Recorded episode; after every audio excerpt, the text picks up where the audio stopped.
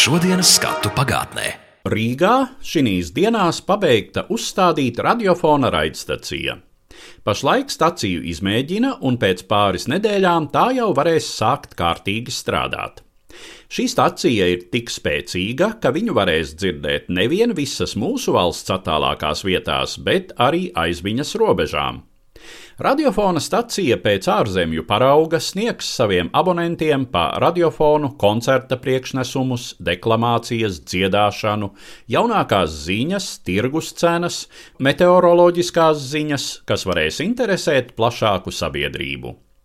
Pasta telegrāfa virsvalde jau uzstāda radiouztvērējus aparātus arī ārpus Rīgas. Aparāti izgatavoti pasta telegrāfa virsvaldes galvenās darbnīcās, un ar viņiem var sadzirdēt arī mūsu kaimiņu valstu radio. Gaidot Latvijas radio 95. dzimšanas dienu, pārlaposim mūsu darba vietas vēsturi, senus un netik senus ierakstus, lūkosim, kā norit radio attīstība un kādi cilvēki te ir strādājuši un strādā. Ir pagājuši pieci gadi, kad pieķēros Latvijas radio vēstures vētīšanai. Toreiz, atzīmējot mūsu mēdīja 90. dzimšanas dienu, tapa raidījumu cikls Reiz radio. Laiks pagājis, bet vēsture paliek, turpinās un top apjomīgāka. Tāpēc, sākot no šīs svētdienas līdz 1. novembrim, Latvijas radio 95. dzimšanas dienai, atkal pārlaposim pirms pieciem gadiem tapušos raidījumus, liksim klāt jaunus atradumus no mūsu skanošā arhīva un arī lūkosim, kā radio skan mūsdienās. Pirmajā šī cikla raidījumā radio dzimšana 1925. gadā, radio torņu būve 20. gadsimta 30. gados un šodiena, kad mēs raidām gan skaņu, gan attēlu no multimediju studijas. Ēters! Vide, kur izplatās radioviļņi. Runājot par radio sākumu, ir jāmin 1924. gada 28. marts, kad Saimas budžeta komisija nolēma piešķirt 7 miljonus rubļu vecajā, jeb 140 tūkstošu latu jaunajā naudā radiofona stacijas izveidēji. Tā kā Latvijā nebija tik dižu speciālistu radioraidītāju būvē, šo uzdevumu uzticēja Francijas firmai Francijas radioelektriskai sabiedrībai – un 1925. gada pavasarī ar kuģi no ostas Denkērkā atveda antenas mastus un raidītāju iekārtu. To nolēma uzstādīt līdzās jaunajai radiostacijai, kur tajā pašā laikā iekārto pasta telegrāfa virsvaldes ēkā, namā Aspazijas bulvārī 5, kur tagad atrodas Latvijas Universitātes biznesa vadības, ekonomikas un vēstures un filozofijas fakultāte. Radio vispirms šajā ēkā izvietojās augšējos stāvos, kas bija speciāli priekšradio izbūvēti. Un galvenais, kas priekšradio šeit noderēja, tā bija tā lielā stūdija pārbūvēta, kur bija lielam orķestrim, lieliem kolektīviem vieta. Un interesantākais tas, ka tur bija arī balkons klausītājiem. Bet eh, man gribētos iesākt ar to, ka šī bija tikai galvenā vieta priekšradio, jo paši pirmsākumi bija pārdaugā kuģu ielā. Tā bija radiotelegrāfa iestāde, kuru aizsardzības ministrija nodeva departamentam, un tur sākās visas tās gaitas. Kāpēc nolēma pasta ēkā radio? Meklēja, meklēja vietu, kur izvietot jaunu radio, atrada istabiņu šajā pastata ēkā. Šeit pārgāja 25. gadā kā rakstīts ar radio atklāšanu. 25. gada 1. novembrī pirmais radio pārraidījums. Tā savulaik par pirmo namu stāstīja mūsu radio vēstures pārzinātājs, ilgadīgs mūzikas redakcijas darbinieks Oļģerts Šusts. Un kā labi zinām, tad toreiz, kā teica Rīgas radiofonu, atklāja ar satiksmes ministra uzrunu un izrādes Madame Butterfly translāciju no Latvijas Nacionālās operas.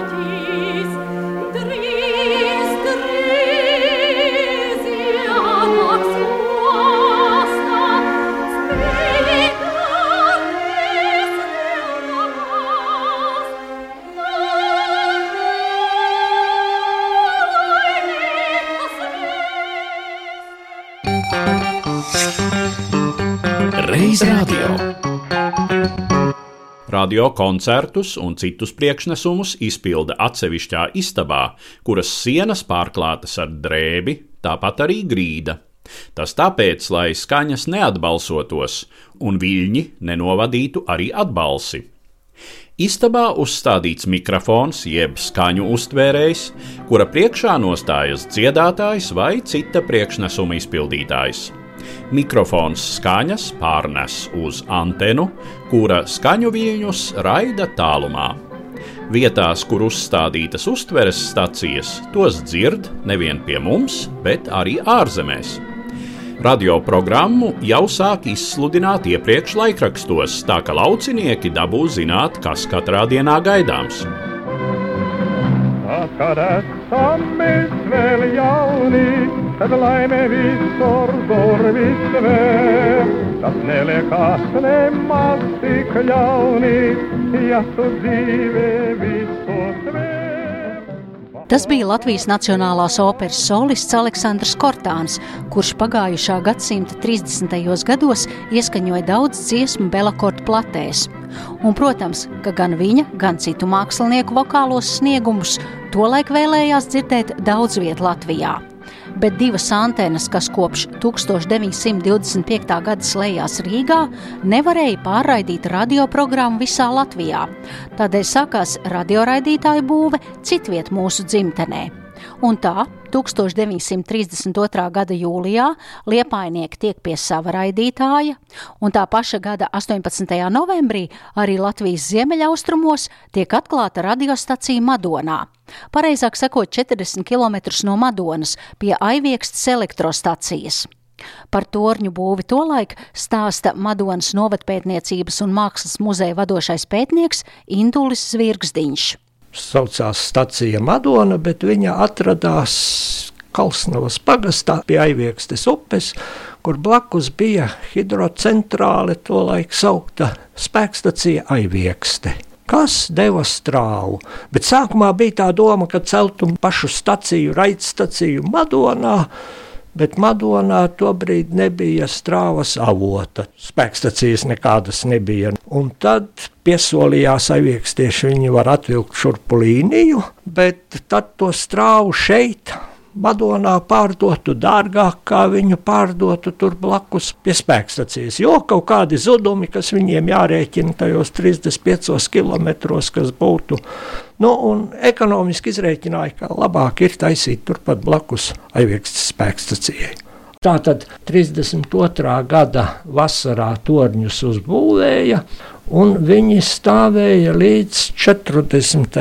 gadam. 40. gada vasarā uzbūvēja to metāla antenu. Kā teica Induls Zvirgzdiņš, tajā 1932. gada vasarā Kalsnavas pagastā līdzās topošajai raidstacijai uzcēla divus 116 metrus augstus priedes koka torņus, kuru galos nostiepa antenu. Tobrīd tie ir bijuši augstākie koka radiomasti Eiropā. 1934. gada decembrī sāka darboties raidītājs Kurzemē, kas atradās 4 km attālumā no Kuldīgas, pie Kuldīgas skrundas šosejas. Par to stāsta Kuldīgas novada muzeja pētnieciskā darba speciāliste Daina Antoniška. Kuldīgas raidītājs bija 120 metru augsts. Jāsaka tā, ka mūsu raidstacija tika veidota sakarā ar radifikācijas plānu, un tā tad bija jau paredzēts, ka vajadzētu arī kuldīgā vienkārši, lai uzlabotu radio raidītāju darbību tieši kurzemē. Vai ir kaut kādi materiāli saglabājušies, kā notika šis darbs pie celtniecības un kas tie bija jā, par cilvēkiem. Jā, meklējot materiālus, es secināju, var teikt, ar tādu prieku, ka pie radiofikācijas darba piedalījās tieši latviešu speciālisti. Un uh, raiztacijas ēku projektēja arhitekts Dāvids Zariņš, kas bija projektējis arī Rīgā galvenā pastēku. Un torņi, atšķirībā no Rīgas torņiem, kuri atceļoja no Francijas, tos torņus tosmārē Liepājas Jā, stūmā. tā arī ir tāda interesanta lieta, jo vietējā laikrakstā varēja lasīt, ka ir izsludināts tāpat tā kā mūsdienās jau konkurss kurš pieteiksies šo radiotonu būvēt. Sākumā bija arī tādas divas versijas - vai nu no dzelzs būvēt, vai no koka. Tika veikta arī aprēķina un izrādījās, ka dzelzs tonis būs izdevīgāks un lētāks, un tam vajadzēs tikai 10 tonnas dzelzs, jo tad, kad būvē koka toni, kas jāsastiprina, tad vajadzētu daudz vairāk vēl. Un šajā konkursā ar labāko cenu piedāvājumu tiešām uzvarēja tos Mārija Liepājas karostas darbnīcas.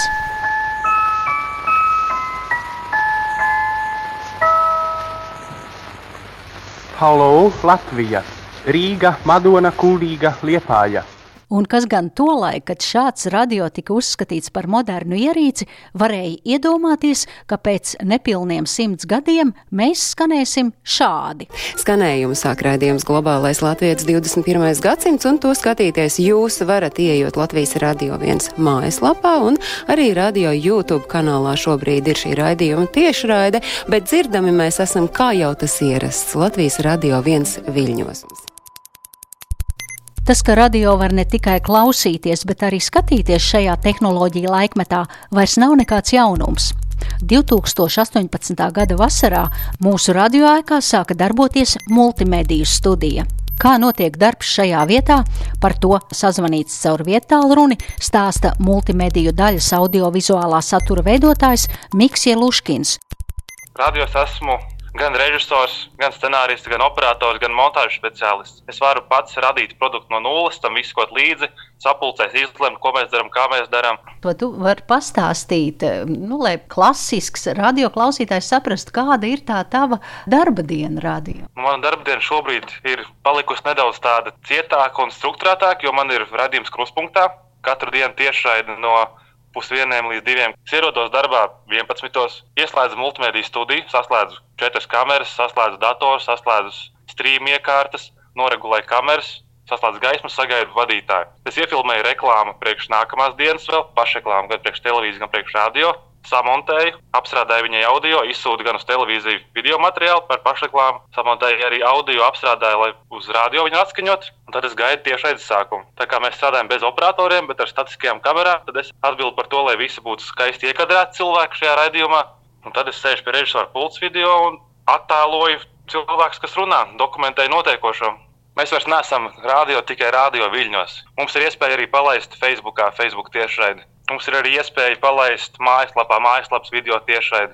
Un, ja es esmu viens pats kā video cilvēks, man viss šīs tiešraides ir jāmēģina saslēgt pēdējā brīdī, tieši pirms tiešraides sākuma. Tad ir tāds moments, kad man ir jānospiež, nezinu, kaut kādi 40 klikšķi uz trijām iekārtām pāris sekundžu laikā, lai visur mēs būtu redzami, bez liekām nobīdēm, bez kavējumiem un raidījuma sākuma ja kruspunktā ir Latvijas radio viens raidījums, tad šeit ir arī Latvijas radio klasika raidījums Pagrebs, kur ir dzīvā mūzika, kur arī nāk papildus operators. Mēs arī mēģinām skaisti iefilmēt arī dzīvos priekšnesumus. Šeit notiek arī globālais latvijas. Mēs sazinājāmies Facebook, Skype, Zoomā jau pirms trim, diviem gadiem, kad tas raidījums jau tapa, mēs sazinājāmies ar ārzemēm, ar ārzemju latviešiem, bet tagad to piekopja viss, tā kā mēs paliekam varbūt netik unikāli.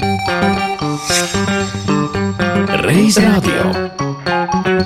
Es zinu, ka ir pulciņš, kas ir pienācis klāt, kas iepriekš radioaparātus jau sen bija aizmirsuši, bet tieši, kad mēs parādījāmies arī Facebook, tad viņi sāka klausīties arī un, respektīvi, skatīties, un pēc tam arī tikai pārgājusi klausīšanos tieši no šīs platformas, bet man ir draugi, kas joprojām tur ieslēgtu istabās radio un klausās tīro formātu. Tā kā man liekas arī, ka, ja skatās uz mūsdienu jaunatni, vispār nevar nogriezt kaut kādu vienu šķērsgriezumu, kā mēs klausāmies. Tāpēc jo īpaši ir labi, ja mēs esam dažādās platformās, tad mēs varam sasniegt un būt kopā ar klausītājiem dažādos veidos.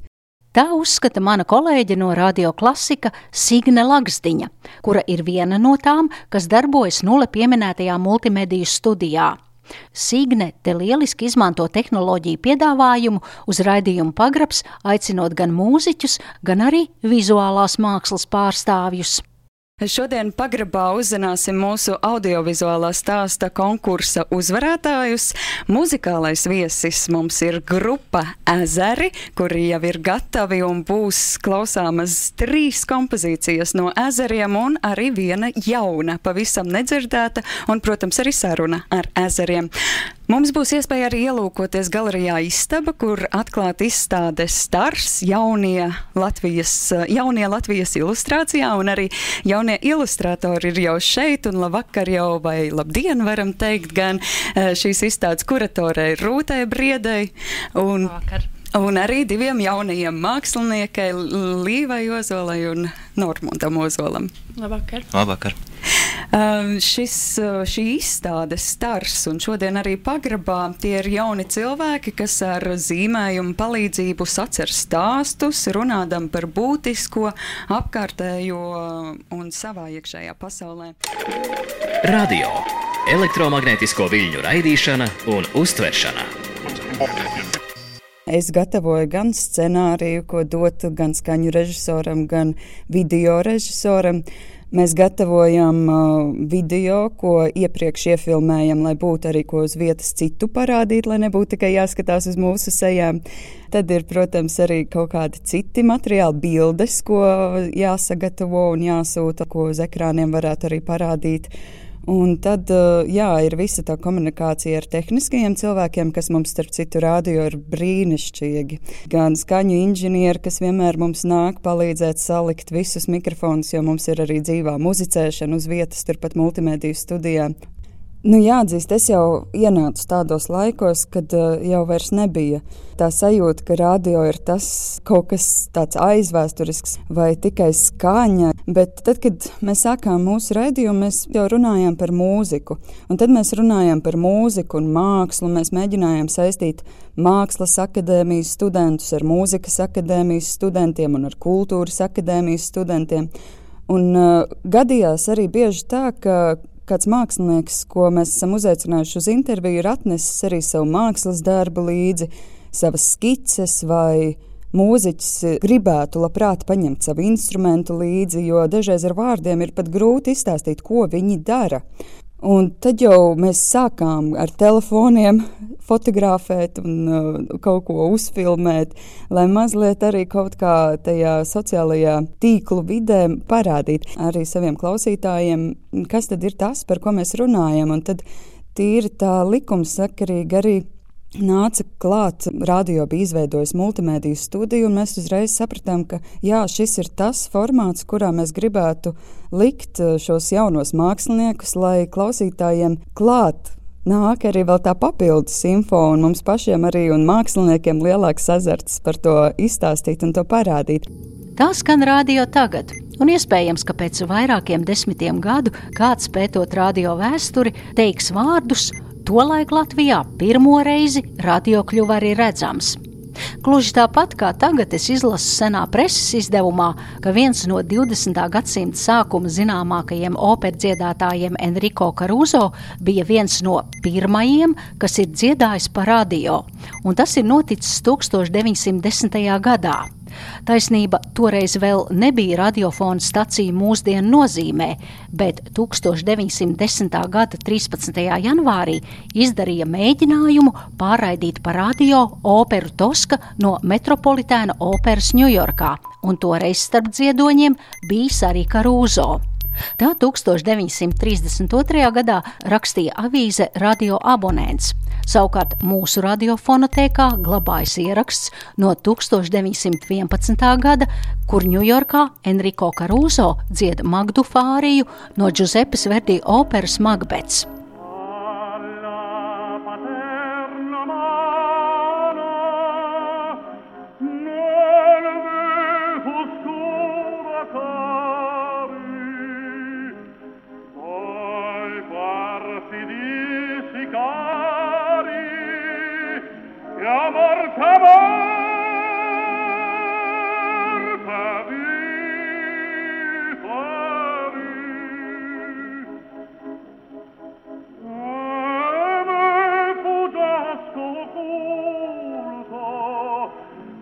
chiamavate, voi chiamavate in vano.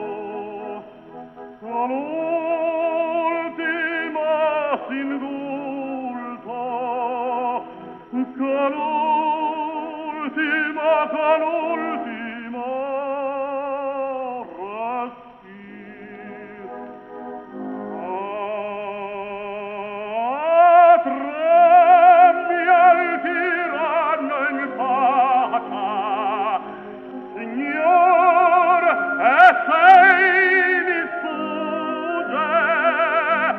faccia a lui la prega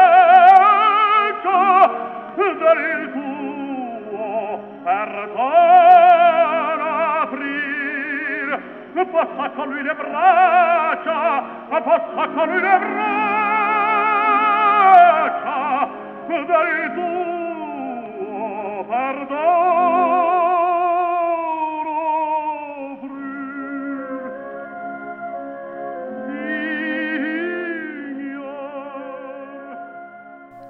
Raidījumā dzirdējāt bijušo radiodarbinieku un radio vēstures pārzinātāju Oļģertu Šustu, Madonas novatpētniecības un mākslas muzeja pētnieku Indulis Virgsdiņu, Kultīgas novada muzeja pētnieciskā darba speciālisti Dainu Antonišku, Latvijas radio multimēdija daļas audiovizuālā satura veidotāju Miku Jeluškinu, radio klasika raidījumu vadītāju Signi Lagzdiņu, ziņas ierunāja Eduards Liniņš un raidījumu veidoja Zane Lāce.